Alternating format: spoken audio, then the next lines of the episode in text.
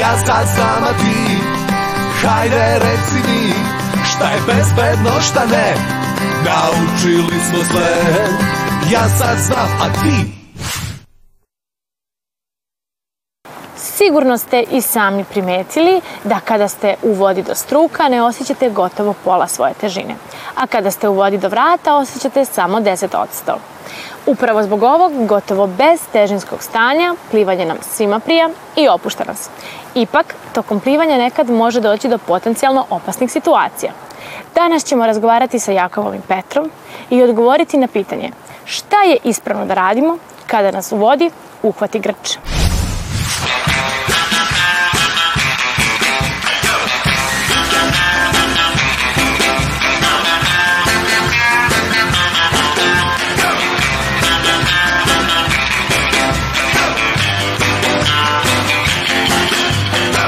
da da uskočimo odmah da plivamo da, ili da li je važno da li je voda topla ili hladna?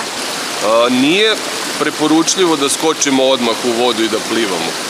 Pre toga bi trebalo da uradimo vežbe istezanja i zagrevanja kako bi naše telo pripremili za ulazak u vodu. Takođe, ako je voda toplija, ne moramo se mnogo kretati i plivati u vodi, bit će nam prijatno. Ali ukoliko je voda malo hladnija, onda bi trebalo više da plivamo i da se krećemo u vodu kako bi se naše telo zagrejalo i bilo bi nam prijatnije u vodi zašto se u bazen stavlja hlor i da li nam to šteti? U bazenima stavljamo klor kako bi voda bila čista i bazen bio čist za plivače i za kupače. U vodi imamo toliko klora koji ne šteti našem organizmu i kupačima bez obzira koliko dugo plivali u njemu. Koje vežbe trebamo da uradimo pre treninga? treba da uradimo vežbe zagrevanja i stezanja kako bi naše telo i naše mišiće pripremili za plivanje.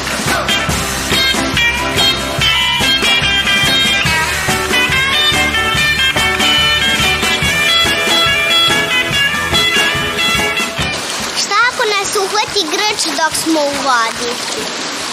Grč, ako nas uhvati kao i u bilo, kojem drugom sportu, trebalo bi da prekinemo sa aktivnošću koju činimo u tom trenutku. U vodi je to malo teže, zato što se ne možemo da prestanemo da plivamo, moramo nešto da radimo.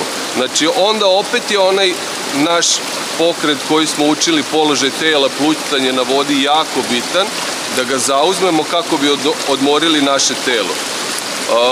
Kada nas uhvati grč, jako je bitno da istežemo taj deo tela u kojem nas je uhvatio grč, odnosno mišić, kako bi nas popustio i kako bi mogli da nastavimo dan.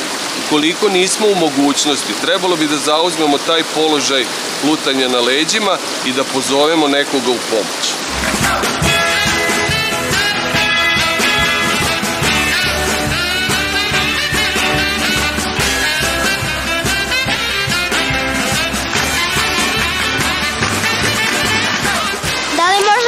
kako da sprečimo da nam se to ne desi?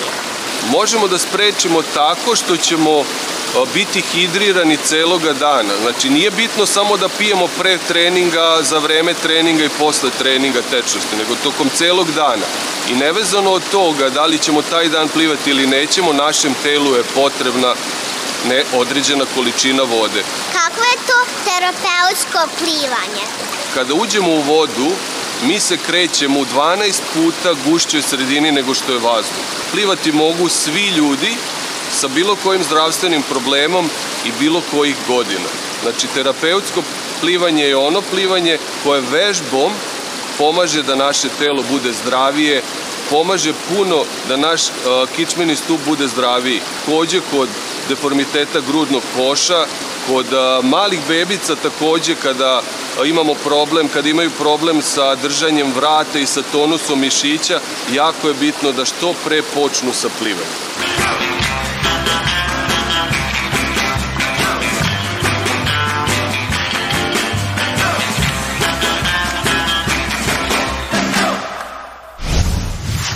što znamo da čitamo, pišemo ili vozimo bicikl, isto tako bi trebalo i da naučimo da plivamo jer plivanje koristi našem organizmu da pravilno raste, razvija se i jača naš imunitet. Ipak, usvojite sve naše savete, plivajte bezbedno i ostanite sigurni. Ja sad znam, a ti, hajde reci mi, šta je bezbedno, šta ne, naučili smo sve. Ja sad znam, a